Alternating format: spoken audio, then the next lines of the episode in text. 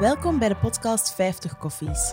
Een podcast om vrouwen aan te moedigen hun comfortzone te verlaten om hun persoonlijkheid en carrière te doen groeien. Met de podcast willen we het vuur aanwakkeren dat in iedereen huist. Minder twijfel, meer durf. Hallo iedereen en welkom bij onze 19e podcast met Ine van Wijmers. We duiken zo meteen in de inhoud, maar vooraleer we dat doen, willen we graag ehm, onze aandacht, of jullie aandacht liever, op het feit dat we op het einde van de podcast superleuk nieuws te melden hebben. Dus blijf zeker luisteren tot het einde, want uh, ja, het gaat toch voor en we hebben iets leuks te zeggen. Ja, maar voor nu dus eerst eventjes uh, de podcast met Ine. Ine is 40 jaar en werd in 2019 procureur des Konings voor het parket Halle-Vilvoorde en werd daarmee de jongste topmagistraat van het land. Haar mandaat duurt vijf jaar en daarin wil ze een vervolgingsbeleid voor minderjarigen en een veiligheidsplan voor de luchthaven van Zaventem. Ze was jarenlang jeugdmagistraat bij het Brusselse parket, was actief in zedenzaken en onrustwekkende verdwijningen en werd in 2016 uitgeroepen tot de woordvoerster van het jaar. Door haar job weet ze als geen ander het een en ander over copingmechanismes, keuzes maken en het belang van samenwerken. Daarnaast is ze moeder van vier en kreeg ze daardoor in haar carrière al te maken met genderstereotyping. Veel onderwerpen dus waar wij graag met 50 koffies dieper op ingaan. Welkom Ine. Hallo, dank je. Superleuk dat jij hier vandaag eh, in Antwerpen bent bij ons, niet in Brussel.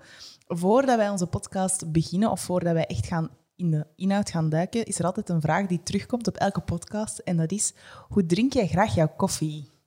Oh, dat hangt nog wel al eens af van de gelegenheid. De gewone functionele ochtendkoffie, die drink ik zwart. Um, maar als het vakantie is, of als het met vriendinnen is, of als het um, ja, na een gezellige lunch of zo, dan, dan kies ik toch voor een cappuccino. Voor mij is uh, cappuccino het witte wijntje onder de koffies. Helemaal mee eens. Wij zijn ook cappuccino drinkers. Absoluut. Maar inderdaad, dat is niet voor elke dag. Nee.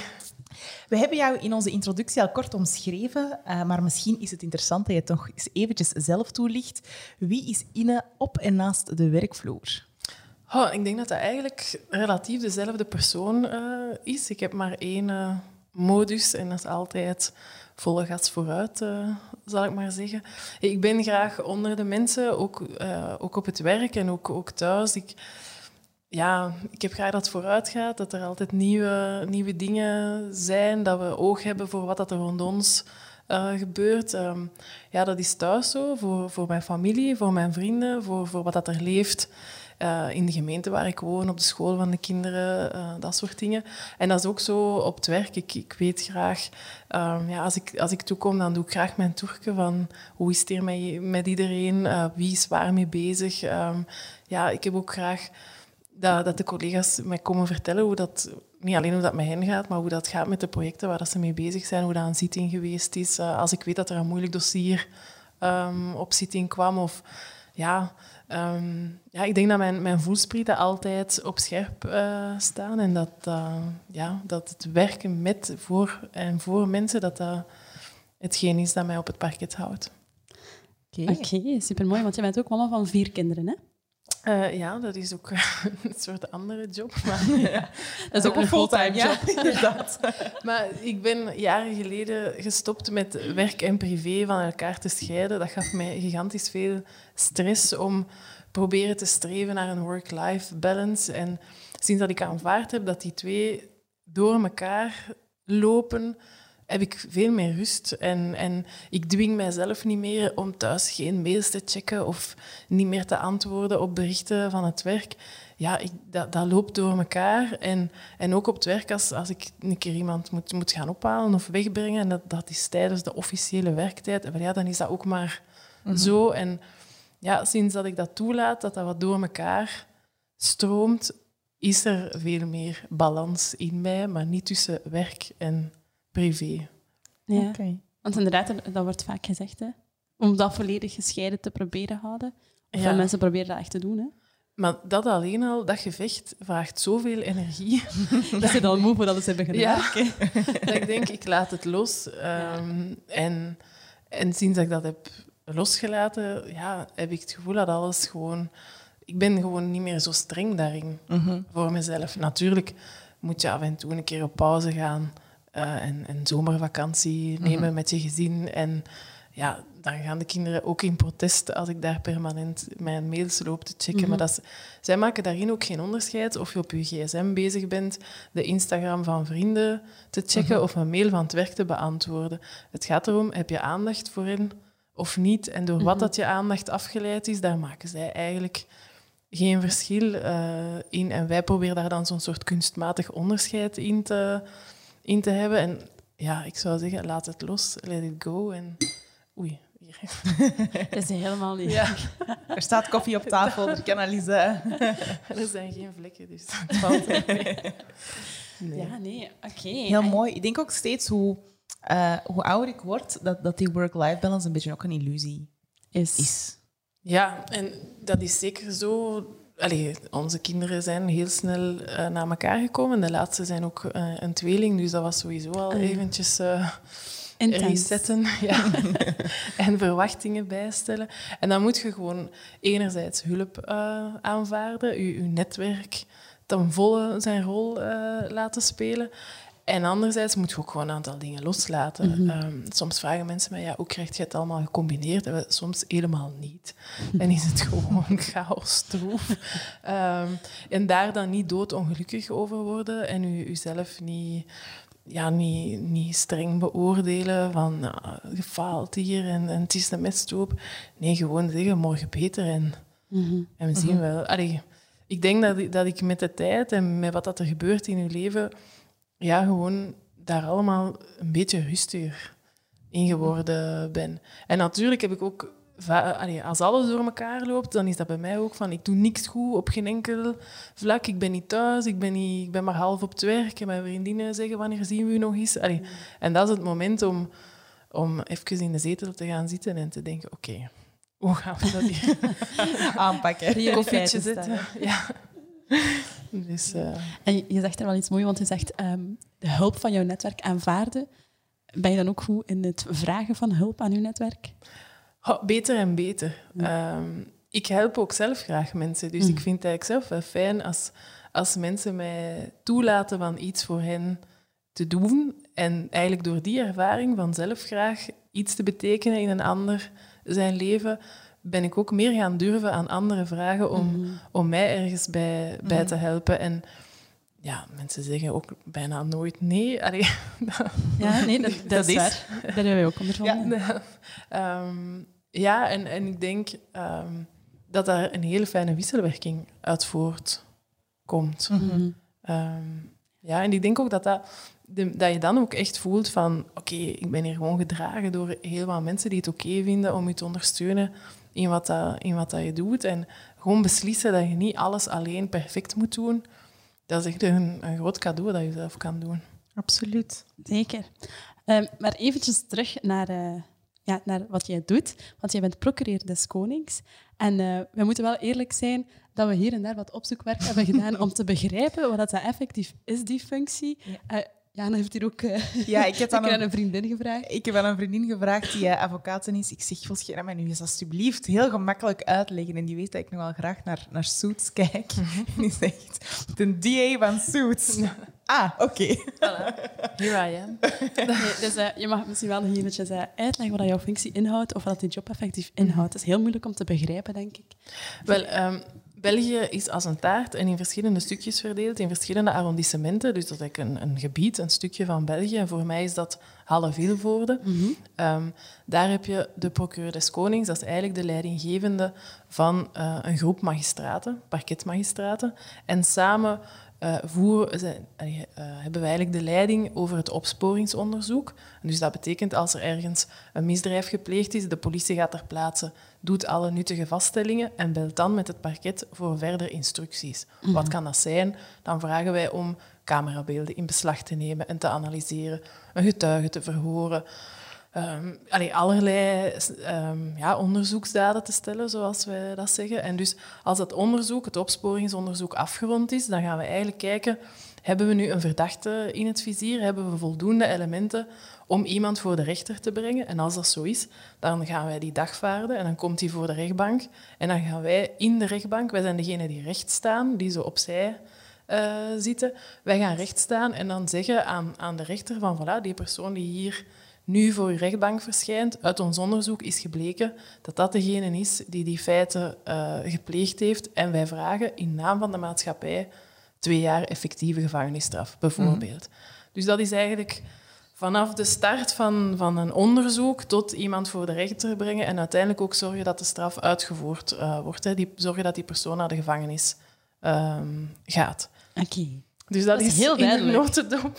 En is mijn taak als procureur is beslissen met de capaciteit die we hebben. In Halle-Vilvoorde zijn we met 24 uh, eh, magistraten. Met die 24 mensen, welke misdrijven gaan we prioritair vervolgen? En vooral, wat gaan we niet kunnen doen? En dus dat, dat vervolgingsbeleid uh, bepalen, dat is eigenlijk mijn taak als leidinggevende uh, okay. van dat korps van magistraten. En ga je okay. zelf dan ook soms toch naar de rechtbank of niet meer? Ik ga zelf naar de rechtbank in uh, principeszaken, zoals nu, deze vakantie. Vorige week ben ik zelf naar twee zittingen van de politierechtbank geweest voor corona-inbreuken. Omdat ik dan vind van dit is maatschappelijk zo uh, ingrijpend mm -hmm. geweest. Daar ga ik als procureur zelf uit principe een aantal zittingen uh, ja, doen. Zo. Ja, ja, ja. Bij, bij doen-zittingen. Ik weet niet of dat een werkwoord is. Maar, um, of bijvoorbeeld bij, um, na de verkiezingen zijn er een aantal mensen die niet zijn komen opdagen om uh, voorzitter of bijzitter van een stembureau te zijn. Ja, als we dat niet meer doen, als mensen die burgerplicht niet meer vervullen, dan stort onze democratie in elkaar. Wel, die zittingen, daarvan ga ik er ook een aantal uit principe uh, zelf doen. Oké, okay. Boeiend. Ja. En, en, en ja, een job waarbij ze nog nooit echt over hebben nagedacht. Dat is nee. niet onze wereld, dus dat is heel boeiend om dat vandaag eens uh, te ontdekken eigenlijk. Hè? Ja, super. Het is eigenlijk goed dat dat niet uw wereld is. dat zeggen. Ja, dat is natuurlijk de andere kant vaak van de maatschappij, um, die niet altijd de allermooiste is, neem ik aan. Nee, nee. En ja, ja, het is goed dat het niet je wereld is, omdat je enerzijds nooit verdachte geweest bent in een onderzoek, maar ook geen slachtoffer. Dus het is eigenlijk... Uh, soms wordt het noodgedwongen, je wereld, mm -hmm. omdat je op straat slachtoffer wordt van, van geweld of van, van zedenfeiten of van verkeersagressie of gewoon een verkeersongeval. Allee, je kan, het kan heel snel wel jouw wereld uh, worden. Niet alleen als slachtoffer, maar ook... Um, de grens is soms flinterdun hoe mensen toch ineens in die beklaagde bank um, terechtkomen. Want eh, dan zeggen je, ja, ze hebben een slechte jeugd gehad. Maar er zit wel een kern in um, dat als je een slechte start maakt, is het ook gewoon veel moeilijker om goed terecht mm -hmm. te komen. Mm -hmm. En daar speelt ook weer dat, dat netwerk, dat ja. als je jong bent uit je kerngezin uh, bestaat of uit een, andere, een aantal andere steunfiguren. En, en zo breidt dat netwerk zich uit. Maar als dat netwerk zich niet uitbreidt, maar eerder afkalft, ja, dan denk ik dat ik er geen tekening bij moet maken mm -hmm. dat het moeilijker en moeilijker wordt. Ja. ja. inderdaad. Want uw netwerk, veel mensen denken dat een netwerk belangrijk is als het aankomt op zaken doen, of dat je echt een zakelijk netwerk no nodig hebt. Maar dat is ook niet waar. Hè? Uw netwerk is in alle omstandigheden, allez, of in alle ja, levensfases ja, belangrijk. Altijd hè? denk ik um, dat mensen rond jou hebben die um, als klankbord mm -hmm. dienen mm -hmm. of die, die u een stukje de weg tonen of die u even terughalen als je u vergalopeert.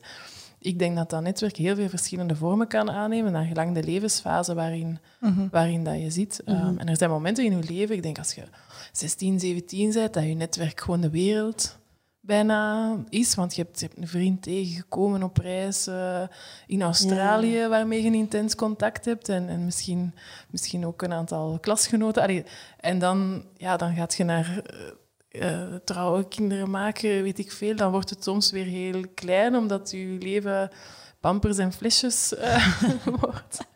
en dan daarna gaat het een beetje een accordeon, denk ik. Dat is zo, ja. Maar, maar als dat wegvalt als er geen accordeonmuziek is, als het stil is, dan denk ik dat het heel moeilijk is.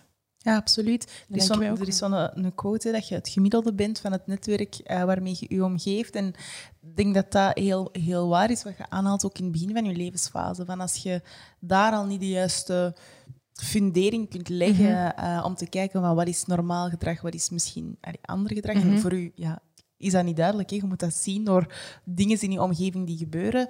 Um, ja, ja kan dat heel veel impact hebben. Het is veel meer ook dan... Allee, sommige mensen denken dat ik alleen maar fan ben van het klassieke kerngezin van mama en papa en broers en zussen. Het gaat echt om steunfiguren. Um, denk ik. Dat hoeven niet per se ouders te zijn. Want ik, ja, je ziet ook kinderen uit, uit pleeggezinnen eh, of opge, opgegroeid bij grootouders of, of in een instelling. Of gelijk. Ik denk, als mensen gewoon je laten voelen dat je ertoe doet, dat belangrijk is of je goed of fout kiest, Mhm. Dat je dan een netwerk hebt. Ja, mooi. Oké. Ehm, ja, we hebben het er juist al een beetje eh, gehad eh, over de inhoud van, van jouw job. Ehm, als we dan een beetje onderzoek deden, ze hebben, hebben we gelezen of hebben we gezien dat eigenlijk die passie voor dat onrecht, voor dat opkomen voor dat onrecht, iets is dat er bij jou al vanaf het begin of toch van heel vroege leeftijd in zat. Hè? Klopt dat? Ja, ik denk dat wel. Ik denk dat ik altijd wel, wel ehm, ja, gevoelig was voor, voor onrecht. Of voor als, als ik voelde in de klas, eh, het is niet eerlijk of hier klopt iets niet. Of een nieuwe regel op school waarvan ik dacht, ah, waarom? Ah, ja.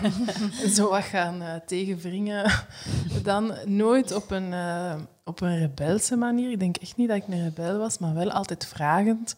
En willen begrijpen en willen vatten waarom dat iets is hoe het is. En als ik het niet, niet heerlijk vond, dat toch eh, aankaarten.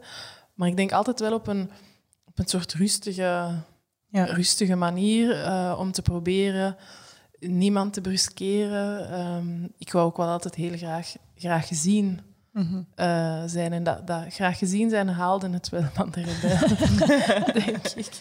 Ehm, maar dan ook later in, in studiekeuze echt zo twijfelen van, ga ik journalistiek doen om, om te schrijven over onrecht? Of ga ik psychologie doen om het nog meer te begrijpen of om mensen te kunnen helpen? Of wordt het dan rechten, criminologie, meer die, die richting? En dan, ja, een beetje door thuis. En mijn papa was bij de politie. Als ik dat zei, was dat echt waar. Eh, dat mijn papa politie was. Eh, een beetje zo, ehm, ja, daar dan toch ehm, in beland. En ook omdat mijn ouders dan zeiden van, ja, als je rechten doet, dan kun je nog van alles doen. Ja. Daarna, en zo het, het- een beetje het klassieke. Maar ja, ik vond dat wel... Allee, dat was ook een studierichting die bij mij paste, omdat ik vaststelde dat je binnen de rechten ook wel heel sociale vakken kon kiezen, die we dan meer uit het curriculum van, van criminologie kwamen, maar ja, psychologie van het strafrecht, allemaal allee, zo... Ja, allemaal dat soort... eh, ja, ik koos ook altijd eh, personen- en familierecht. ehm, Mhm. ja, Ja. al die keuzevakken meer dan, dan het harde economische of venootschaps- of fiscaal recht. Mhm. Dat was veel, veel minder mijn ding. Oké. Mhm. Ja, want je bent dan ook al echt wel veel bezig met de kansarme. Kansarm in de meest mensen. ruime zin eh, van het woord. Hè. Niet alleen Ja, ja, ja. kansarm van, van geen boterhammetjes eh, mee naar school, maar ja, omdat het, het verschil tussen kansarm en kansrijk zijn tekent zich in, in de wereld waarin ik werk soms heel duidelijk Mhm. af. Hè. De magistraten, de advocaten, iedereen in toga is eigenlijk kansrijk. Ja. En de mensen waar het dan om gaat, de, de mensen achter de dossiers, zijn, zijn heel vaak kansarm. En je moet eigenlijk proberen die brug ehm, te slaan om Ja. te begrijpen waarom iemand gedaan heeft wat dat hij gedaan heeft, om ook op dat recidieve gevaar te kunnen, te kunnen werken. En ik denk dat daar hulpverlening en justitie echt wel nog steviger bruggen moeten, moeten bouwen. En ik denk als die goed op elkaar afgestemd zijn, dat we dan echt naar een, een veiliger samenleving kunnen gaan. Denk je dat dat de grootste uitdaging is, die brug bouwen dan tussen die twee grote ja, groepen eigenlijk? Dat denk ik wel. Ik denk, wij kunnen een, een, een effectieve straf vorderen en een rechter kan die ook opleggen. Maar als je wilt dat iemand beter uit de gevangenis komt dan dat hij erin gegaan is, ja, dan moet je daar wel een traject mee, Mhm, mee gaan. En dan moet je investeren in, eh, in gedetineerden. En Ja. natuurlijk, gedetineerden hebben geen stemrecht. Dat is ook iets wat niet veel mensen weten. Maar dat is absoluut geen interessant electoraal eh, publiek. En als men gaat zeggen in een verkiezingsprogramma, wij gaan nu een keer investeren in het begeleiden van gevangenen, ja, dan krijg je meteen alle bagger over u, u van werk eerst eh, wachtlijst weg in de, in de gehandicaptenzorg. Natuurlijk moeten die ook weggewerkt worden, maar het is geen of-of verhaal. Het is echt een en-en verhaal. En als men mij zegt van kijk, je krijgt een miljoen euro, dan zeg ik oké, geef ze aan hulpverlening. Dan gaat mijn instroom dadelijk naar beneden en kan ik met de mensen en de middelen die ik heb doen wat ik moet doen. Ja. Want dat is vandaag dan niet altijd? Vandaag wordt er heel weinig geïnvesteerd in, in de gevangenissen, in, in, in gedetineerden. Er wordt heel weinig aan daderhulp uh, gedaan. Omdat daderhulp daarin investeren vraagt echt dat mensen bereid zijn in twee stappen te denken. Men, men wil altijd, als we nu het voorbeeld van intrafamiliaal geweld nemen, men heeft de laatste jaren heel erg gefocust op de slachtoffers omkaderen, wat dat heel goed is. Hè, want hoe dat slachtoffers twintig jaar geleden opgevangen werden en mhm. vandaag, daar is een enorme weg in afgelegd. Maar door zo te focussen op de slachtoffers, komt er ook precies impliciet wat verantwoordelijkheid bij de slachtoffers te liggen. Men gaat ook zeggen, van, je moet, we moeten ze sterker maken, dat ze financieel onafhankelijk mhm. zijn, dat ze durven het huis verlaten. Tegenover ik denk, ja, haal een dader eruit, laat het slachtoffer in het huis, uh, bij de kinderen en zo verder. Haal de dader eruit en werk aan. Ga kijken, is het een alcoholproblematiek die aan de grondslag ligt? Is het een agressieproblematiek? Is het whatever it may be? Mhm. Werk daarop en je lost structureel het probleem op. Uh, natuurlijk hebben we een aantal principes, zoals het vermoeden van onschuld. Zolang dat die persoon niet veroordeeld is mhm. voor die feiten en die toch uit dat huis gaan halen, dat is niet zo'n evidentie. Ehm, dus allee, we, we, moeten daar ook nog een aantal ethische discussies voeren, denk ik, om belangen af te wegen. Maar ik geloof wel heel erg dat je het probleem maar pas echt aanpakt voor dat slachtoffer en voor alle potentieel toekomstige slachtoffers, door met die dader, die verdachte, iets te doen, waardoor dat hij dat gedrag niet meer gaat stellen. Ja, ja het is echt wel een en-en verhaal. Ja. ja, en alleen nu, vandaag, wat we hebben zijn een aantal centra voor seksuele delinquenten bijvoorbeeld, maar dat is weer het not in my backyard syndroom. Niemand wil in zijn straat een centrum waar pedofielen geholpen worden, hè, om het zo plat uh, te zeggen. maar iedereen, ja, we kunnen ze niet allemaal uh, op Molokai zwieren. Hè? Allee, ik wil zeggen, dat, dat, dat, dat, is geen, geen enkele, totaal geen oplossing. Maar als je wilt dat je kinderen geen slachtoffer worden van mensen met afwijkend seksueel gedrag, ja, dan moet je zorgen dat dat gedrag niet meer afwijkt. Ja. Mhm. En dan moet je focussen op de, mhm. op de delinquent. En niet de delinquent ergens in een hok duwen, wat dat de meest nul en één gemakkelijke oplossing lijkt op korte termijn. Maar, ooit komt die daar ook uit. Hè? Ja, en hoe? Ja, misschien ook een keer. Nog, ja. En waarschijnlijk nog meer de neiging om dan zo'n zaken te doen. En boos. En boos, en, boos. en is er... Uh, ik heb geen idee van de, van de cijfers, of, of allee, als je er een ongeveer uh, aantal op kunt plakken. Is er veel herval? Zie je dat vaak? Um, ja, eens cliënt bij ons, trouwe klant vaak. Ja? Um, ja. dat zien we toch wel. Omdat mensen hun situatie en hun gedrag dat ze gesteld hebben, zelden veranderen door een passage via de rechtbank.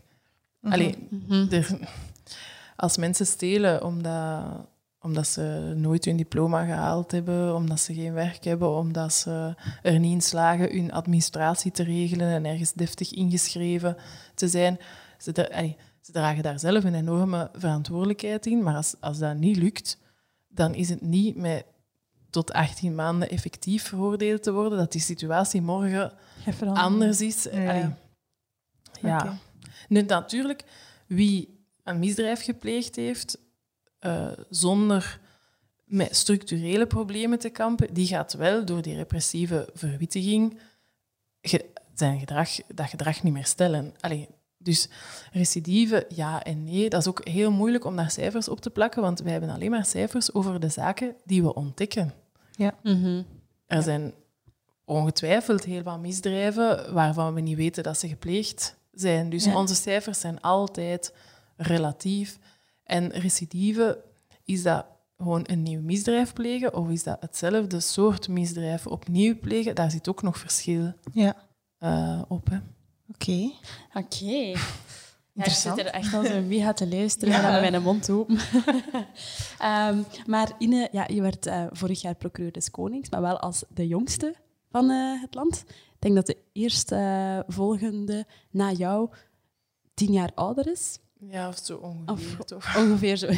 of ze zien er tien jaar ouder. nee, nee. Um, denk je dat dat misschien een beetje komt door of waardoor komt dat? Ik kan misschien beter de vraag aan jou um, vragen. Oh, dat is echt zo een hoeveelheid, een samenloop van van omstandigheden. Ik denk door heel snel woordvoerder te worden van het parket van Brussel, of minstens in die woordvoerderspool uh, te zitten, dat ik de kans gehad heb om in parket Brussel veel contact te hebben met heel veel verschillende afdelingen van dat parket. Hè.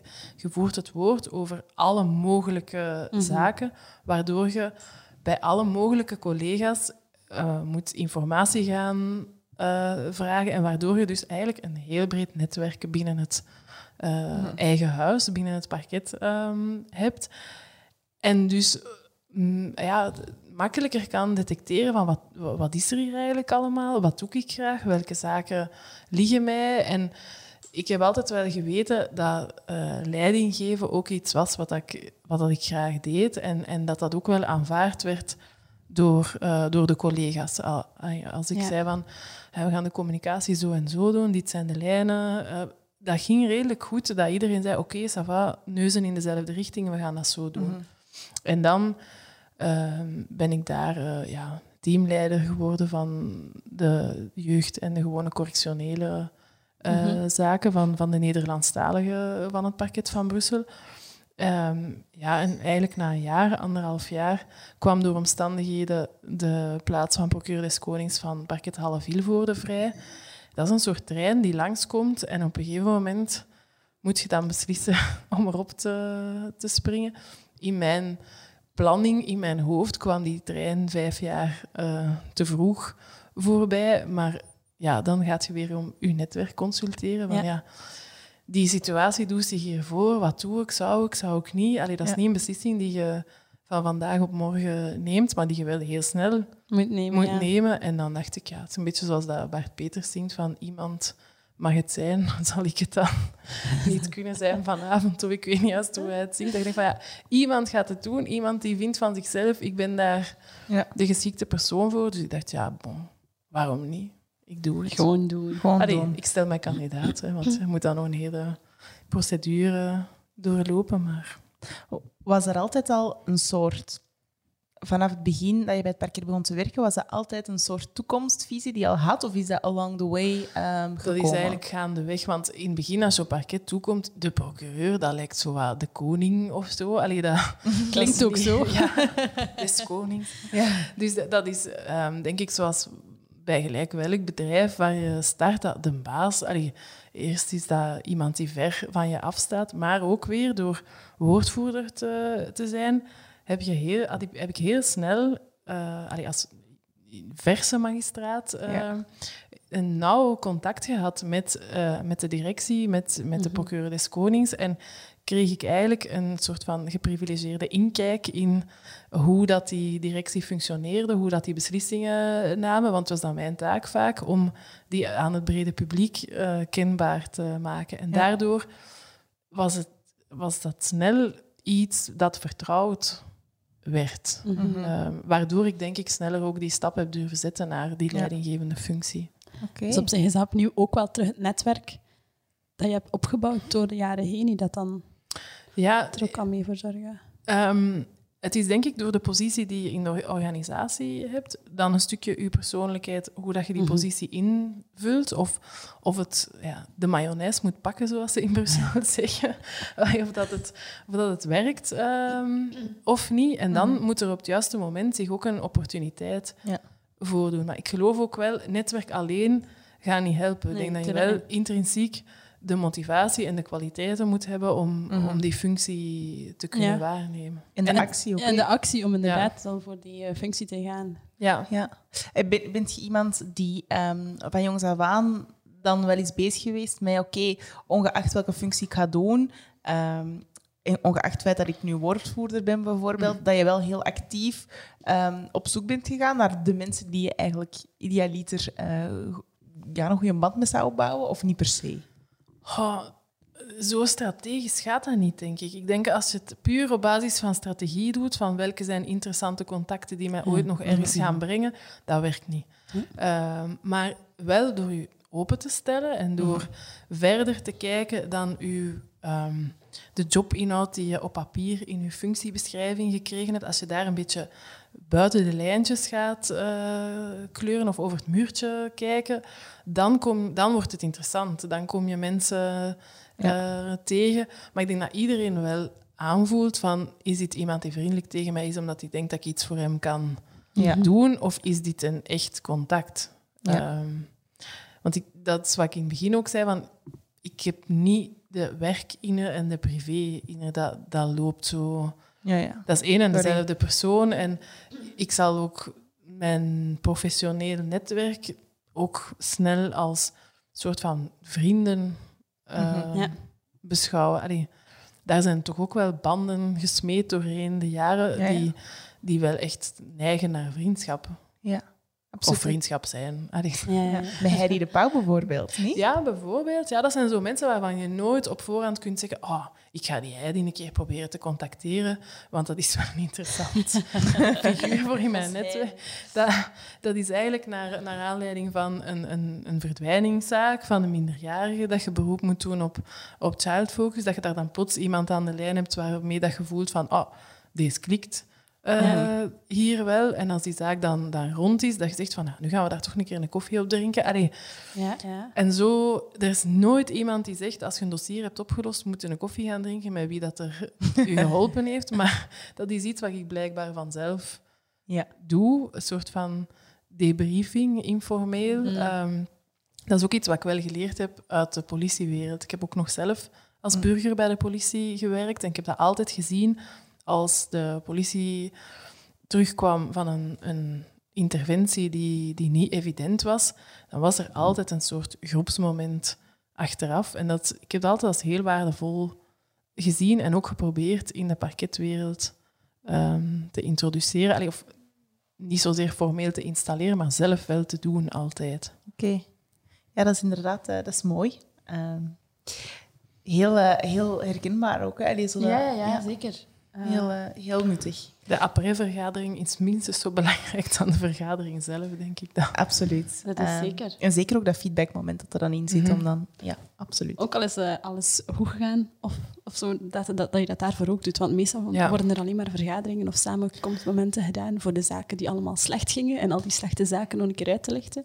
Terwijl je dat eigenlijk uh, andersom ook zou moeten doen. Ja, maar ik ben echt een levensgenieter, dus ik vind dat ook altijd een gelegenheid om, om iets te gaan drinken.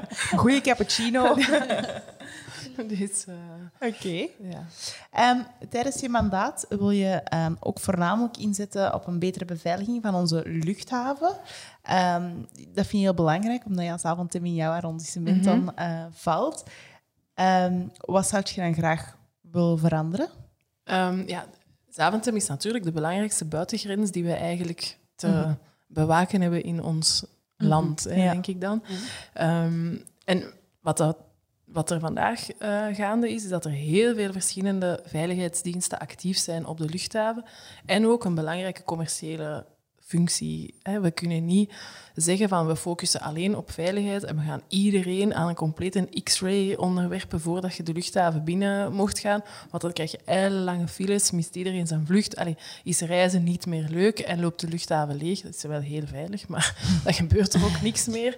Dus het is een zeer boeiend evenwicht dat we daar uh, moeten zoeken tussen hoe kunnen we zorgen dat die luchthaven vlot um, draait. Dat reizigers, uh, mensen die daar werken, mensen die daar een, een, handelszaak uitbaten bijvoorbeeld, daar totaal geen last van hebben en toch een sterke veiligheidscultuur uh, installeren. Want op de luchthaven werken verschillende politiediensten, verschillende veiligheidsdiensten. Mm -hmm. En wat de uitdaging vandaag is, is al die diensten die op zich allemaal goed werken, nog uh, beter te laten samenwerken en te kijken van waar zitten hier de synergieën, mm uh, waar zijn de mogelijke samenwerkingen um, die, die, nog, die nog op poten te zetten zijn om te zorgen dat we echt wel doeltreffender uh, nog te werk gaan.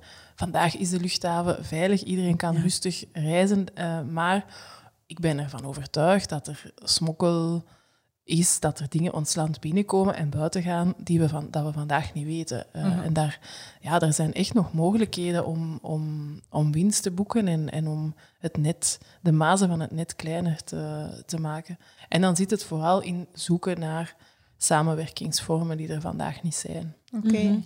Want dat is toch ook wel nog iets wat we veel horen, hè? dat er heel veel verschillende organisaties zijn voor veiligheid, voor Mhm. alles wat het ook maar mag zijn. Maar dat het gewoon heel moeilijk is om al die verschillende organisaties, die dat allemaal verschillende informatie bevatten over Mhm. bepaalde dingen die gebeuren, maar dat die informatie gewoon niet aan elkaar gepuzzeld geraakt. Meer en meer Of lukt dat, eh, meer en meer begint dat dus wel, wel te lukken, omdat iedereen een beetje de sense of urgency heeft, zeker na de aanslagen. Van, Mhm. het is natuurlijk een ramp dat er zo'n aanslag heeft moeten plaatsvinden. Dat is ook niet echt iemand zijn schuld. Allee, Nee. er wordt heel snel, ja, onderzoekscommissie, ja, we moeten hier... Dit, die aanslag is gebeurd om- en we hebben hem niet kunnen Tegenhouden. tegenhouden. Oké, voilà, dat is een ramp voor al wie dat er iemand in verloren is of eh, gewond geraakt is of vandaag nog altijd een, een tinnitus in zijn oor Mhm. eh, heeft. Allee, dat, dat is, ik wil dat helemaal niet afdoen als niet Ja. belangrijk. Ja. Ehm, maar ja, dan is er nu, het is, het is wel een momentum nu, nu om al die informatie nog beter samen te leggen. Maar dat, be- dat is... Allee, mensen zeggen allemaal graag van ja, dat werkt niet en iedereen werkt naast elkaar. Er werken heel veel mensen eh, samen op het terrein en er gebeuren heel goede dingen. Eh, want ook met het luchthavenplan dat ik wil ehm, realiseren, ik heb daar geen tegenstanders in. Iedereen zegt, oké, dat is goed. En ik heb vastgesteld dat mijn rol als procureur eigenlijk net neutraal genoeg is om iedereen rond de tafel ehm, te krijgen. Dus ik wil die rol ten volle eh, Ja. spelen om, om ook dat resultaat te kunnen boeken. Ja. Dus niet zoals de politiek of zo. Ha, daar heb ik mij niet over uitspreken. Smart. Er zijn zo aan no-go-zones en dat lijkt me. Eén daarvan. Ehm, want je was er zelf ook bij na de aanslagen. Hè? Dus niet tijdens de aanslagen, maar als, als alles geregeld moest worden achteraf, heb jij daar wel een, een grote rol in gespeeld. Ik heb mijn deeltje zo goed mogelijk proberen te doen. Ehm, het is zo dat na, na de aanslagen we heel snel met eh, woordvoerders een, een soort communicatiestrategie hadden, dat ik alle communicatie die slachtoffergerelateerd was eh, zou doen. En Erik van der Zijpt van het federaal parket alle onderzoeksgerelateerde communicatie zou doen. Hè, van, Hebben we de man met het hoedje en dat soort dingen, Ja. dat deed hij. Daardoor kon hij een heel zakelijke, sekke toon aanslaan die past bij een lopend gerechtelijk onderzoek. En kon ik een veel empathischer boodschap brengen en kon ook mijn woordkeuze veel meer aangepast zijn aan de boodschap eh, die ik moest eh, brengen. En dat is, als we achteraf gedebriefd hebben, die beslissing om die communicatie te splitsen, is iets wat we als best practice daaruit ehm, uitgehaald hebben, zodanig dat iedereen kon spreken in functie van de boodschap en het, ja, het Mhm. publiek. ehm. dus dat, wa- dat was één ding. En door dat eh, oog hebben voor, voor slachtoffers en, en de belangen van slachtoffers, iets is dat mij natuurlijkerwijs eh, mijn aandacht altijd wegdraagt, heeft men mij toen ook gevraagd om ehm, de identificatie van de overleden slachtoffers te coördineren. Ik zeg, iedereen zegt altijd, je hebt die identificatie gedaan. Nee, ik heb de coördinerende rol op mij genomen. Het zijn de echte kenners op het terrein, de politiemensen, eh, die dat, dat werk echt effectief hebben uitgevoerd. En ook de coördinatie van de opvang van, van de nabestaanden, om te zorgen dat dus vanaf minuut één ook slachtoffers en nabestaanden een plek hadden in, in de procedure.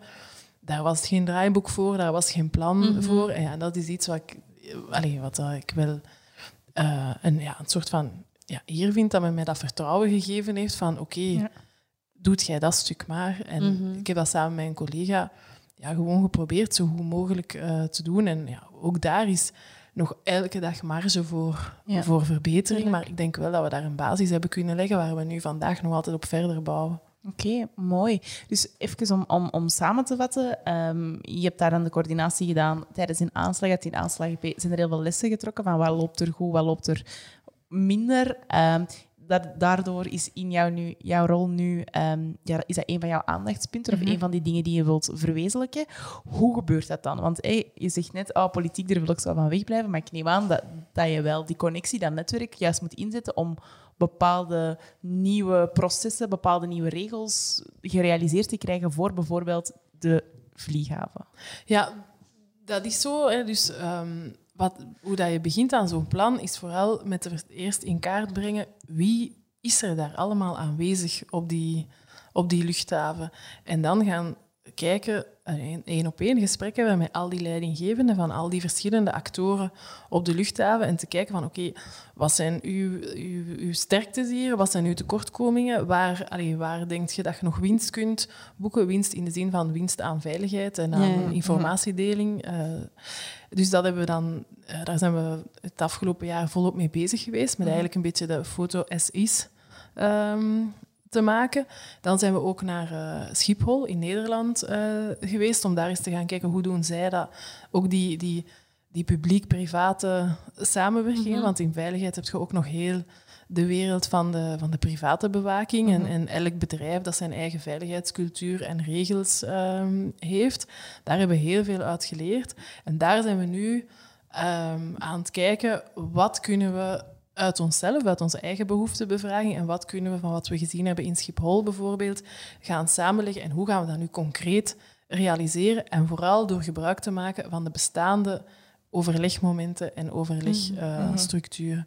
Dus dat is, een, dat is een heel klassieke manier, denk ik, om, om Dingen. een project Ja. te, te lanceren. Maar ja. En is er dan een heel groot verschil tussen eh Zaventem en Schiphol? Omdat jullie Al de schaalgrootte gewoon is al een enorm eh, verschil. En in Schiphol zie je dat er al een heel eh goede, ver- een, een echte verankering is van die samenwerking publiek-privaat en ook met de commerciële luchthavenuitbater. Nu, ook wij hebben een aantal dingen kunnen aanbrengen bij Schiphol van hoe dat wij het... eh, hoe dat wij het alleen eh, aanpakken. Nee, het is, het is, eh, die, die kleine schaal bij ons en het ons kent ons verhaal heeft ook soms echt wel zijn voordelen. Ehm, omdat als er echt iets gebeurt op Saventem, nemen mensen hun telefoon en beginnen ze rond te bellen en, en Mhm. Ja, geraakt het ook wel uitge, uitgeklaard. oké. Mooi om dan zeker meer preventief te gaan werken dan achteraf. Ja, dat is absoluut de bedoeling. Ja. Ja. Oké, superboeiend. Naast uw plan voor de luchthaven heb je ook nog een plan voor een vervolgingsbeleid van minderjarigen. Wat moeten we daaruit verstaan? Ja, minderjarigen maken altijd in elk parket deel uit van het vervolgingsbeleid. Alleen ehm, vind ik dat de, de minderjarigen die feiten plegen en de minderjarigen die beschermd moeten worden, want het parket heeft daar een dubbele rol. Ook kinderen plaatsen of kinderen ehm, ja, een jeugdrechter toewijzen om, eh, om de, situatie, de opvoedingssituatie op te, op te volgen. Eh, maar min, een derde van de misdrijven wordt gepleegd door minderjarigen. En er zijn heel weinig parketten waar een derde van de magistratencapaciteit en dan uiteindelijk ook van de politionele capaciteit naar die groep gaat. Ik zeg niet dat het zo mathematisch moet verdeeld worden, maar ik wil wel een, een accentverschuiving, want ik voel, en ik ben echt overtuigd dat als we minderjarigen kunnen stoppen met crimineel gedrag te laten Mhm. vertonen, dat structureel de instroom bij de meerderjarigen ook zal eh, Verminderen. verminderen. Omdat heel wat minderjarigen die we niet op het rechte pad gekregen hebben, gewoon verder feiten blijven plegen als meerderjarigen en altijd maar driester te werk eh, gaan. Dus ik geloof er wel in dat als we capaciteit investeren in de minderjarigen, dat we minder misdrijven gaan hebben gepleegd door meerderjarigen. Dus ehm, in die zin is voor mij ehm, de feiten gepleegd door minderjarigen wel een vervolgingsprioriteit. Waarmee ik niet de heksenjacht op de jongeren geopend eh, heb. Want Geen zorgen. Nee, we hebben ook als parket heel, veel meer mogelijkheden dan dat mensen soms denken. We hebben ook bijvoorbeeld parketcriminologen in dienst, die ehm, voordat er sprake is van een jeugdrechter of jeugdrechtbank, minderjarigen uitnodigen met hun advocaat, met hun ouders, om te kijken van, oké, welk positief project kunt jij nu zelf naar voren brengen om te zorgen dat dit niet meer eh, gebeurt. Be- Of wij kunnen zelf doorverwijzen, ook minderjarigen die feiten gepleegd hebben, naar de hulpverlening of naar strafbemiddeling. Dus we hebben een heel arsenaal aan mogelijkheden voordat er effectief van een jeugdrechter eh, sprake moet zijn. Maar dat zijn natuurlijk zeer arbeidsintensieve eh, processen en daar moet je capaciteit tegenover stellen, want dat vraagt ook een netwerk uitbouwen met de hulpverleningssector, met Ja. die organisaties die aan herstelbemiddeling doen, Ja. die gemeenschapsdiensten eh, organiseren, werkprestaties. Want als een minderjarige zegt, is goed, ik snap, ik was mis, ik, ik wil graag iets terugdoen. Dat is iets wat we vaak horen bij minderjarigen die zeggen, van, ik wil het goed maken dan is dat niet zinvol dat we zeggen, en nu moet je zes maanden wachten voordat je twintig uur kunt gaan meehelpen in een woonzorgcentrum. Allee, Dus Dan vandaar... zijn ze dat- het al vergeten, hè? Want anders, allee, Ja, dat is zoals een- als een van uw kinderen met een stift op de muur tekent, moeten die ook niet de week daarna voor, voor in de hoek zetten. Hè. Allee, en dat is wat dat we nu heel vaak voor hebben door die, die link allee, en die onderinvestering in eh jeugdhulpverlening. Oké. Oké, dat is inderdaad eh, een hele groep mensen die daarvoor nodig is. Je kunt dat absoluut niet alleen doen. En die verbinding is daar super belangrijk. Ja, en, investeren in, in, in, in jongerenwelzijn. Hè. Ehm, dat is echt een, een materie die nu ook eh, geregionaliseerd is, die niet meer federaal ehm, is. En dus eh, ja, de, de gemeenschappen moeten echt gaan investeren in, ehm, in jeugdhulp. Is denk je voor jou dan die investering een beetje het belangrijkste voor een goede samenwerking te kunnen hebben tussen al die organisaties? Ja, als je onderbemand bent, dan ben je gefrustreerd en dan komt er weinig constructiefs. Want er zijn heel veel mensen, jonge mensen, die starten in de jeugdhulpverlening en, en die na een jaar of vijf, zes afhaken omdat ze zoveel shiften moeten draaien. Omdat ze hun, Het is een beetje zoals in de ouderenzorg ook. Hè. Verpleegkundigen die zeggen van ik heb het gevoel dat ik mijn werk niet naar behoren kan doen. Ik, kan, ik heb geen tijd om een praatje te maken eh, met de mensen. Wel, wij ik hoor dezelfde verhalen Ja. in, in de jeugdhulp. Mensen die super gemotiveerd zijn, die heel veel capaciteiten hebben en die dan toch uiteindelijk afhaken. Dat is zo jammer.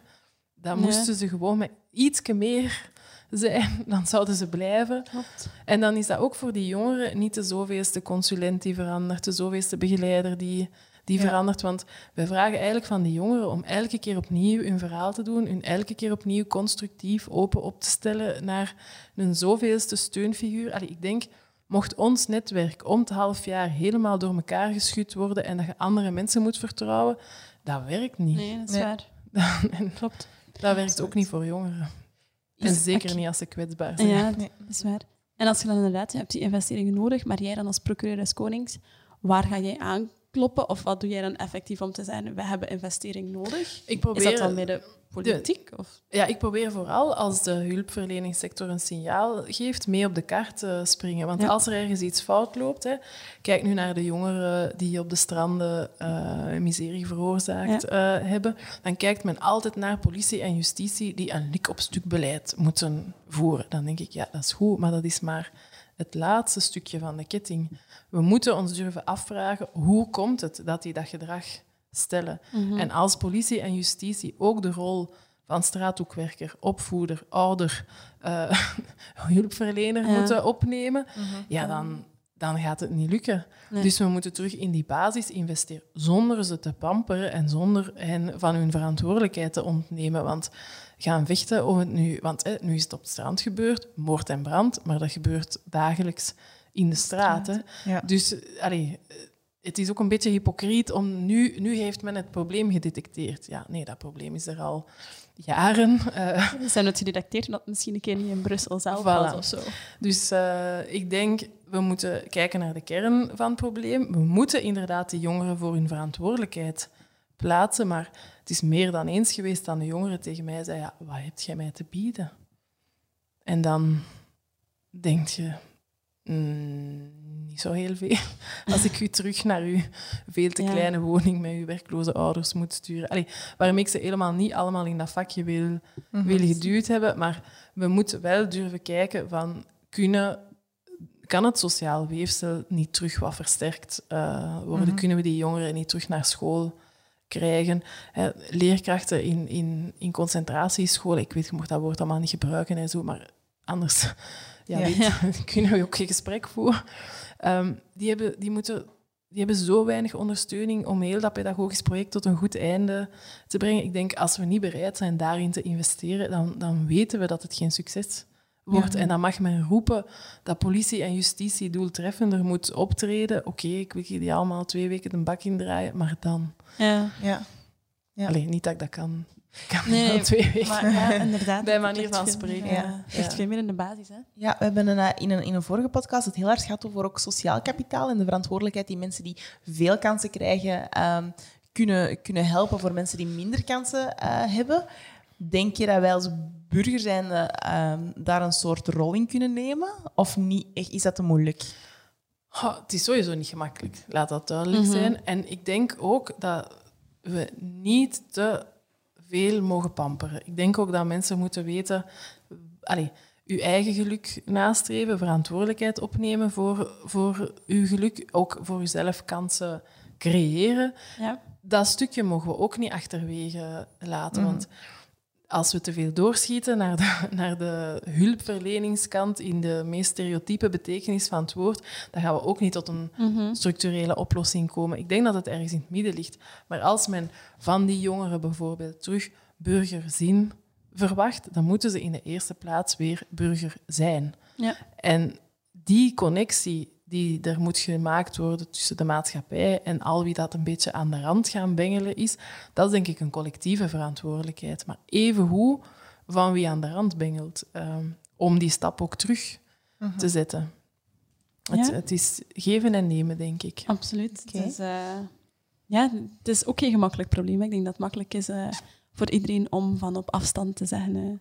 dat is het probleem. Of het is, eh, ja. Ja, maar wij horen binnen justitie heel vaak dat de oplossing van ons moet komen. En ik ben absoluut bereid om mijn verantwoordelijkheid daarin in te nemen. En ik denk dat we dat ook elke dag doen. Maar het is een veel breder plaatje. Het, je maakt jezelf iets wijs als je alleen maar zegt dat het een zaak is van politie en justitie. Nee, dan zijn we al op het einde van de feiten inderdaad bezig in Ja. plaats van eh, ja, de oorzaak. En is het dan nu voor die, allee, voor die investeringen die dan allemaal nodig zijn, het enige wat jij kan doen is dan effectief zo luid roepen als dat je kan, dat die investeringen nodig zijn? Ja, zijn en ook vooral ons, in, on- in wat dat we zelf in de hand hebben, daar proberen ook echt goed werk te, ja, het beste van te leveren. Ja, uiteraard. Ik denk, het is niet omdat er op, eh, op al zoveel vlakken het zoveel beter nog kan, dat dat ons ontslaat van onze eigen verantwoordelijkheid. Ik Absoluut, denk echt ja. dat we binnen wat dat we wel kunnen doen, bijvoorbeeld samenwerken met die hulpverlening en zoeken naar... Allee, wij zouden ons kunnen helemaal terugtrekken en achter ons beroepsgeheim gaan, gaan zitten. Ja, als je Mhm. zelf u in de loopgraven verschanst, dan gaat de oorlog nooit voorbij eh, Nee, nee, nee, zijn. klopt. Dus ik denk ook wel dat wij zelf heel veel kunnen doen van wat... Allee, wij- een, een, een, een magistraat heeft best wel wat macht en wel wat inbreng in, in, in de zaken. En die moeten we dan ook echt ten volle benutten. Ik denk, als we naar de jeugdrechtbank gaan of naar gelijk welke zitting, als wij vorderen, dan is het denk ik belangrijk dat je je woorden juist kiest, dat je ehm, een goede balans vindt tussen die, die repressie en toch de deur openlaten voor herstel. Eh, en dat je daar niet zomaar eh, op een zeer arrogante wijze mensen eh, volledig afbreekt, maar dat je echt wel hun gedrag aanspreekt. Allee, Ja. Ik denk dat we ook wanneer we publiek naar buiten komen, echt wel kunnen ja, ook het goede voorbeeld eh, Ja. geven. Absoluut. En ons niet wegsteken als het fout gaat. Dan, Dat vooral, hè. ja. Ja. Ja. Eh, Dat is eigenlijk altijd de grootste fout die je kan maken voor eender welke situatie. Of Ja. dat er iemand nu doodziek eh, geworden is, of dat je nu iets super slecht hebt gedaan. Maar stilzwijgen blijft altijd het ergste wat je kan doen als ja, er dat gebeurt. denk ik Ja. ook. Allee, vandaar een, allee, ik denk toen dat ik ehm, heb, ben mogen woordvoerder van het jaar eh, worden, dat dat ook voor een stuk kwam doordat ik echt geloof dat geen commentaar geen optie is. Ja. Ja. Eh, en, en zwijgen is een heel harde vorm van communiceren, vind Ja, ik. absoluut.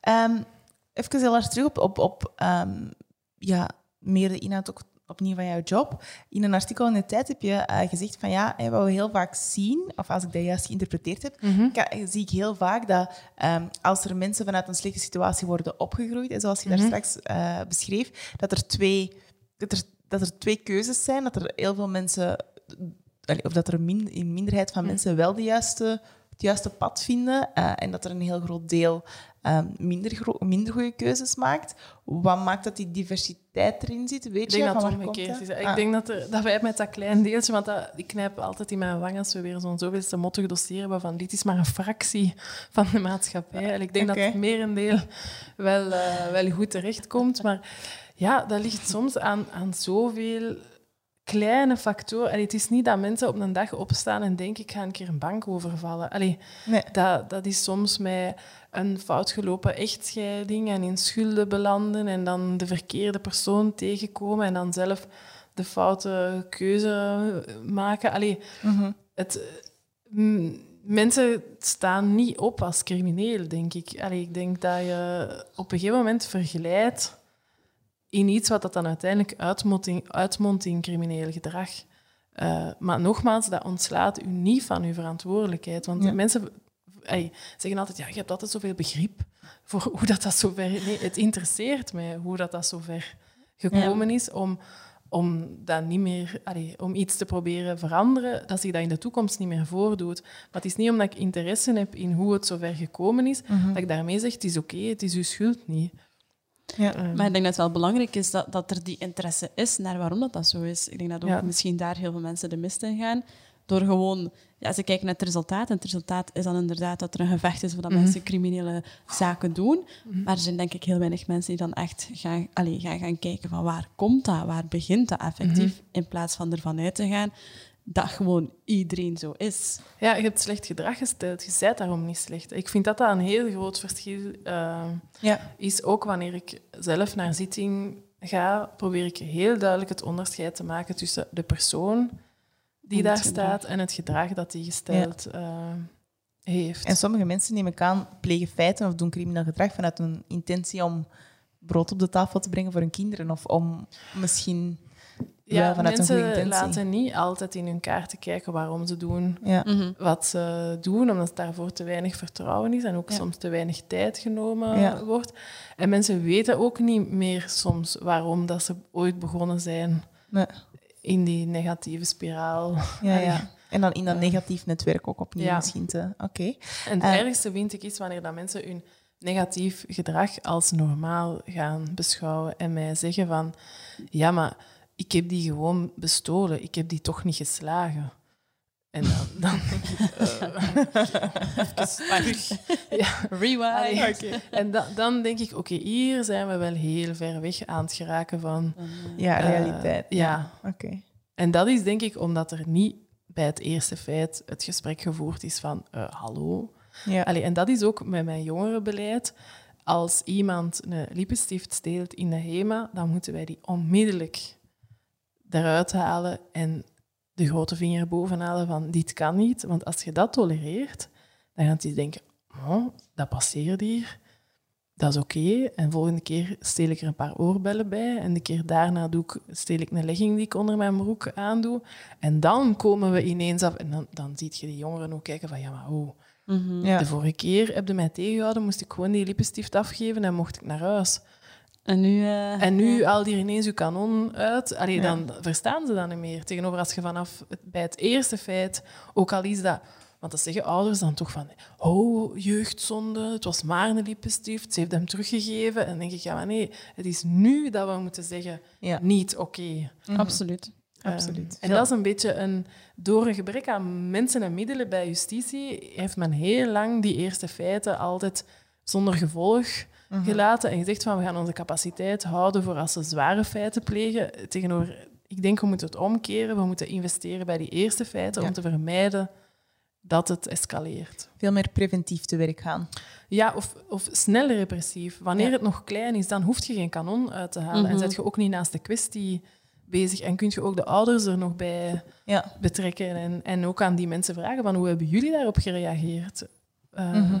Hebben die gezegd, allee, volgende keer eh, zorg dat je niet gepakt wordt? Of allee, je moet een beetje slimmer aanpakken. Ja. Eh, De reactie van de ouders ten aanzien van justitie is ook heel bepalend in hoe dat jongeren kijken naar Ja.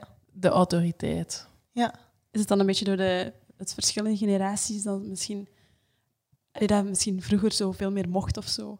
Zoals dronken allee, Ja, rijden, ehm, ja, iets pakken. Zo, Het niet, meest problematische vind ik is dat als ehm, een jongere voor de jeugdrechter verschijnt en de ouders praten het goed of minimaliseren, wat er de feiten. is. dan denk ik, dit wordt heel moeilijk om connectie te, Ja, ja. maken maken. nog. Ehm, zeker als je ze dan ziet buiten gaan en dat die ouders zelf zoiets hebben van, ah, debiel. Allee, Ja, ja, ja. Moeten wij daarvoor naar hier komen? Allee, zo tegenover dat ik denk van ja, ja, je zit hier juist omwille van die houding. Want als jij thuis duidelijk zou aangeven wat de grenzen zijn, was het waarschijnlijk nooit zo Niet gebeurd, gekomen. Ja, absoluut. En dat is dan opnieuw terug dat netwerk waar je nu vanaf jonge Ja. leeftijd in je omgeeft, wat dat normaal beschouwd wordt en wat dat niet normaal beschouwd Ja, wordt. en ik merk dan ook dat we op zitting soms evenveel tijd en energie spenderen in die ouders dan in die jongeren. Omdat ik denk, ja, als we het daar ook niet aanpakken, Dan, gaat hij dat gewoon opnieuw doen. Ah ja, ja, en dan, dan voelt hij zich echt gesterkt van wij tegen de boze justitiewereld. Ja, ja. Allee, ja, dan, dan zijn we echt ver van huis. Ja, als je je ouders hebt die dat zeggen, zegt het is echt niet oké en je gaat er echt een zware straf voor krijgen. Of Ja. je hebt ouders die dat zeggen, zeg, dit is allemaal zo erg niet, die overdrijven allemaal. Ja, Ja, dan weet je ook al bij wie dat snelst nog een tweede keer zal gebeuren Voilà. en bij wie niet. Hè. Ja, ja. En absoluut. dat klinkt, allee, klinkt ook eigenlijk allemaal zo logisch en zo simpel, maar ik denk in de realiteit dat echt dat veel meer gebeurt dat Ja. ouders zeggen, dat is allemaal zo erg niet. En Ja. dat, dat, Ja, het is ook, ja, vingers wijzen is iets dat, dat makkelijker Allee, dat gaat gemakkelijker hè, dan, Mm. dan in de spiegel kijken. Allee, dat is ja. ja absoluut. helaas zo. Oké, we hebben het nu ja, al eh, een paar keer gehad over die negatieve spiraal waarin dat je terechtkomt en dat dat zo alsmaar Mm. opstapelt. Maar misschien is even goed om te vragen, ja, als er dan zoiets gebeurt, ehm, heb jij iets die, dat, je, dat je kan aanraak- aanraden? Bijvoorbeeld, je hebt de aanslagen van ehm, in Zaventem ook Mhm. meegeleid achteraf. Ehm, ik denk dat dat ook wel een negatieve spiraal is waar je misschien in terechtkomt, waar je Mhm. je eigen altijd uit moet trekken naar al die situaties. Ja, Heb om je zo niet tips ten die je onder te gaan aan ellende bijvoorbeeld. Ja. ja. Goh, vooral dicht bij jezelf blijven en goed ehm, kijken naar hoe, wanneer begin ik hier signalen te vertonen dat mij te veel ehm, wordt. En dat durven zien, dat durven toegeven Mhm. ook. Mhm. Ehm, bij mij uitzicht dat in dat ik bijvoorbeeld niet meer met vriendinnen over koetjes en kalfjes kan praten en dat ik de neiging heb om alleen maar collega's op te zoeken, mensen die er ook middenin zitten en dat de wereld rond mij banaal lijkt te worden. En dan voel ik van, oei, ik ben hier de verbinding aan het verliezen met de echte realiteit Ja. eigenlijk. Mhm. Hè? Want de aanslag is het abnormale, is niet de norm. En Ja. Ehm, en dan eh, weet ik wel van, oei, dit is het moment om even gas terug te nemen of om minstens te zien dat dit aan het gebeuren is en daarna actief mezelf echt te dwingen van, nu gaan we gewoon het hebben over hoe is het met de kinderen en hoe is het Ja. eh, daar en wat gaat het Ja. doen deze zomer. Allee, en, en daar ook terug voldoening uit te halen. Want als ik dat niet doe, dan heb ik de neiging om me helemaal te verliezen in, in mijn, mijn job op dat moment. Natuurlijk, op het moment van de crisis moet je dat Ja. doen. En moet je ook helemaal smijten. Maar je mag niet in die modus blijven hangen. Je moet op een gegeven moment terugkeren naar de normale Ja. wereld. En ik denk, dat altijd blijven doen en jezelf daartoe dwingen, dat u dat wel met twee voetjes op aarde houdt. Ik vind dat wel heel mooi wat je aanhaalt, omdat allee, dat, dat, is, dat is herkenbaar wat je daar zegt. Niet altijd gemakkelijk om dat door te hebben dat dat gebeurt. Nee. Hoe bent je dat voor jezelf? Allee, is dat iets, iets dat persoonlijke ontwikkeling dat je dan doet? Is dat, hoe merk je zoiets van jezelf? Ja, dat, dat, is, dat is door allerlei dingen die je in je leven meemaakt. Als, eh, als de tweeling geboren is, waren die heel erg prematuur. Dus dat was een heel gedoe met een ziekenhuis en Ja. allee, weken aan een stuk. Maanden staat je leven in functie van die moeten het hier halen, die moeten het overleven. Je zit zo in je cocon, zo gefocust. En als ze dan uiteindelijk op hun drie jaar naar school gingen, waarbij dat iedereen zoiets had van, allee Ines, ze zijn goed nu, dan viel ik echt achteruit van, oké, ik mag de overlevingsmodus loslaten. Allee, wanneer dat iedereen zoiets had, oeh, jij gaat nu crashen of wat? Nu zijn ze toch goed? Allee, wij hadden dat verwacht eh, als ze geboren werden of als ze moesten in het ziekenhuis blijven. Of, ja, allee, en ik was eigenlijk gewoon vergeten van nog te communiceren met mensen, hoe het met mij ging, hoe, waar ik bezorgd over was. Ik was helemaal gefocust op, die, op die twee. En dat is zo bijvoorbeeld, ja, dan ben ik daarna ook wel een stukje in begeleiding geweest om vooral dat mechanisme te detecteren bij mezelf van oké, als zich dat nog eens voordoet, hoe gaan we vermijden dat we drie jaar later in de patatten eh, Ja, ja, ja. gaan. En ik denk dat, dat dat hoeft niet altijd zo extreem te zijn, maar dat je, als je wilt naar jezelf kijken, dat je wel detecteert wat dat je Mhm. triggers zijn en, en waar dat je... allee, En bij mij is dat ook bijvoorbeeld mijn man, die, die dan zegt van, als ik dan thuis kom en ik ben dan even directief thuis tegen iedereen als dat ik op het werk in strijdmodus was, en dat hij dan zegt van, ho, ho, eh, zo niet tegen ons, dan denk ik, ah ja, ik ben er misschien wat aan het overgaan. Allee, zo. Het is ook blijven Ja. luisteren naar dat netwerk rond Ja. u. Hè. En dat, ja, dat is iets wat ik denk als je bijvoorbeeld ja, alleenstaande bent of zo, of weinig connectie met je partner hebt, om welke reden dan ook, dat je sneller de neiging hebt om je helemaal op je werk eh, Mhm. te, te focussen. storten. Ja, te storten. Ja. Amai. denk ik. Ja, het is een beetje die confrontatie durven aangaan ook. Hè. Ja, en, en je weet ook natuurlijk als je detecteert dat je er iets mee moet doen. En Ja. dat is niet altijd zo plezant, want eigenlijk in die flow zitten van werken, werken, werken is eigenlijk best wel tof. En gemakkelijk. ook. Ja, Dat is- ja, dat is zo gemakkelijk. Ja. Ja, Je ontsnapt daar gemakkelijk aan. ja. Ja, absoluut. en, ja en, en iedereen aanvaardt dat een bepaalde periode, maar op een gegeven moment zegt je omgeving ook wel van minuut papillon, terug. Nee, helemaal waar. Eh, heel mooi eh, dat je aanhaalt, dat je eigenlijk ook je netwerk kunt nodig hebben om eigenlijk dicht bij jezelf te blijven. Ja. Mensen die dan u erop aanspreken, mensen die de spiegel durven voor, eh allee, voorschotelen, zal ik zeggen. Ik vind dat, ik vind dat mooi. Dan zijn je relaties ook waardevol, denk ik. Als mensen dat durven doen. Op het moment dat je volledig aan het gaan bent, als er dan iemand op je schouder durft komen tikken van joehoe, wij zijn er ook nog. Allee, in plaats, op dat moment denkt je van, oh, laat mij gerust, ik ben bezig. Maar eigenlijk zijn dat de mensen dat je moet koesteren, denk ik. Ja, Absoluut. absoluut, waar.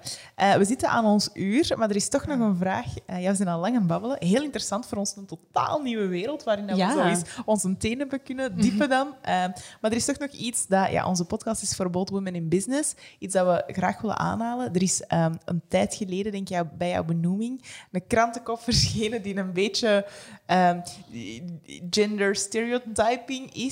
Ehm, ik, Het moeder van vier verhaal erachter Ja. geplakt. Ja, Ja, ja, ja. Ja, ehm, daar zijn we uiteraard naar curieus, want dat is iets ehm, dat vaak tijdens onze podcast naar boven komt, die precies die keuze moeten maken, moeder zijn of hard werken, of dat er toch veel oordeel over is. Hoe is dat toen bij u binnengekomen, die, die krantenkop? Zonder Ja. het te groter te maken dan Ik het was er niet zo getraumatiseerd eh, door, moet ik eerlijk En een beetje verbaasd ook, want ja, mij choqueerde die titel niet zo, omdat ik ook effectief moeder van vier ben. En eh, omdat ik niet meer kies tussen die verschillende rollen. Ze lopen voor mij door elkaar. En de vraag van de journalist, hoe combineert je dat, is voor mij absoluut pertinent, want dat is iets waar ik mij heel vaak ook vragen over stel en Ja. heel vaak mee bezig ben van hoe ga ik het hier Mhm. eh, allemaal organiseren. Dus ik denk dat het ehm, meer...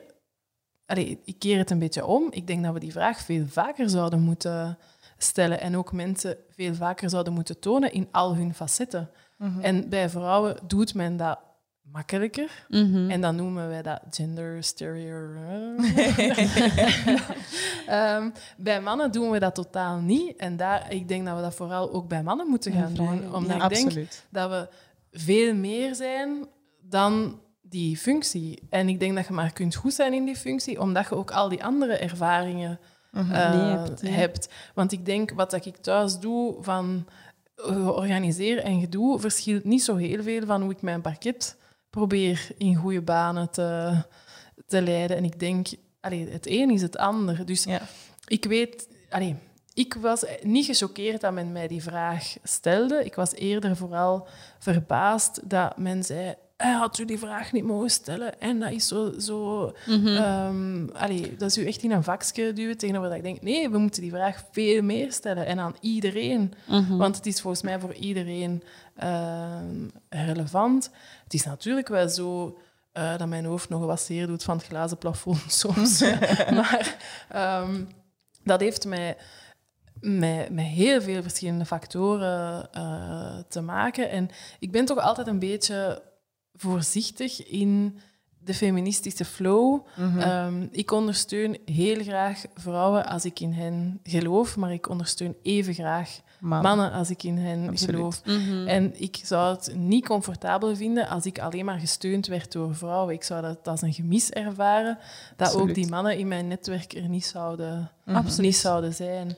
Ehm, dus ik denk dat wij, dat wij soms het geluk hebben dat wij als completer omschreven ehm, worden. Eh, want ik zie dat ergens ook een stuk als erkenning voor het feit dat je dat inderdaad allemaal Kunt doen, hè. combineert. Ah, Die vier kinderen weglaten is ook geen optie. Hè. Dat, dat nee, zit er ik kan ze ook bij, niet hè. wegdenken uit mijn, uit mijn leven als, Ja. als procureur. Mhm. En ik vraag me soms af ehm, of die mannen die dat wel kunnen, of die daar zo blij mee zijn. Het is grappig, we hebben eigenlijk eh, deze ochtend nog dat gesprek gehad over die specifieke vraag, waarbij dat wij het ook zeiden van, is het nu een vraag dat we moeten blijven stellen? Ja, eigenlijk wel, want we willen het wel weten. En, en voor onszelf, we hebben nog geen kinderen, maar we zijn zo wel aan het uitzoeken van hoe dat wij het zouden doen later. Eh, en dat wij ook zeiden, nee, eigenlijk moeten we niet stoppen met te vragen, maar we moeten het gewoon, en al de mannen die daar op de podcast komen, gewoon effectief ook gewoon vragen. En daar denk ik ook dat vrouwelijke interviewers bijvoorbeeld wel schroom hebben om dat aan de man te vragen. Absoluut. Wij gaan daar een voorbeeld aan. Wij, ja, Wij gaan absoluut. dat doen. Ja, zeker. Ik, ik zie zo nog niet vlug in een, in een interview eh, in, in Humo of zo van... eh, ah ja, dan staat er soms wel een man en dan tussen haakjes eh, Twee kinderen. twee kinderen. En ja, hoe doe je dat nu? En hoe staat je vrouw daar tegenover? Allee, dat, Moeten dat zo een keer Let's testen. do it. We gaan gewoon zo'n keer een mega CEO voor ons hebben. En dan gewoon de hele tijd over die kinderen ballen. En die opvoeding. En dat koken. En die een opvang. en gaat dat dan? En voel je je soms niet schuldig dat je niet aan de schoolpoort bent? Allee, ik zou... Let's do it. Ik heb er al zin in. Ja, we gaan echt doen. Nee, ik denk inderdaad dat dat heel mooi is. Dat is ook absoluut wat wij met onze podcast willen. We willen absoluut weggaan van die stereotypen, Ja. maar meer gewoon in kaart brengen van oké, hoe is dat dan en, en hoe werkt dat dan? En, en inderdaad, het, het probleem, of het probleem, het is misschien geen probleem, maar we richten ons altijd op die vrouwen, terwijl die mannen misschien evengoed uh, de vader aan de schoolpoort zijn of thuis blijven. Allee, dat, en dat die vragen ook gesteld mogen En dat worden. er superveel vooroordelen zijn, want ik zou het niet willen doen als man een vier vijfde gaan aanvragen. Nee, Allee, absoluut. Ja, absoluut. Ik Dat is ook wel eh, Ja, eh, daar is ook heel veel stereotyping eh, Absoluut. rond. Absoluut. Eh, En eh, ja, nog een groot issue om aan te pakken. ja.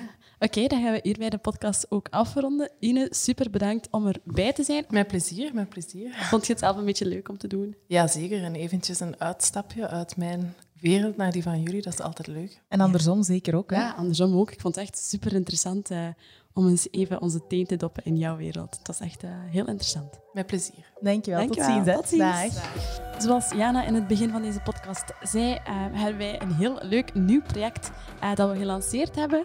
Het heet Espresso for Your Mind en wij zijn echt super excited om dat met jullie allemaal te delen. Maar wat houdt dat nu eigenlijk effectief in, Jana? Ja, Espresso for Your Mind is eigenlijk het tweede niveau van eh 50 Koffies. De podcast, eh, allee, of op de podcast kunnen jullie al verschillende verhalen horen, al verschillende dingen leren. Maar dat blijft natuurlijk in een verhaalstructuur. Dus wouden we eigenlijk iets creëren waardoor we heel concreet, specifiek te werk kunnen gaan om bij te leren, om dingen toe te passen. En daarom hebben we maandelijkse masterclasses die we organiseren en telkens rond een bepaald thema. Ja, en we zouden 50 koffies niet zijn als we dat niet deden met de top en enkel de top van België, om ook eh, die masterclasses met jullie te delen. Dus als je daar meer informatie over wilt, gewoon eventjes naar www.50koffies.be gaan en daar vind je alle informatie onder eh, Espresso. Ja, en wij gaan zelf ook kaart volgen. Wij zijn zelf super benieuwd naar de masterclasses, naar de mensen, want eh, wij willen zelf groeien en wij hopen dat natuurlijk keihard met jullie te doen. Dus eh, ga zeker kijken op onze website en hope to see you there.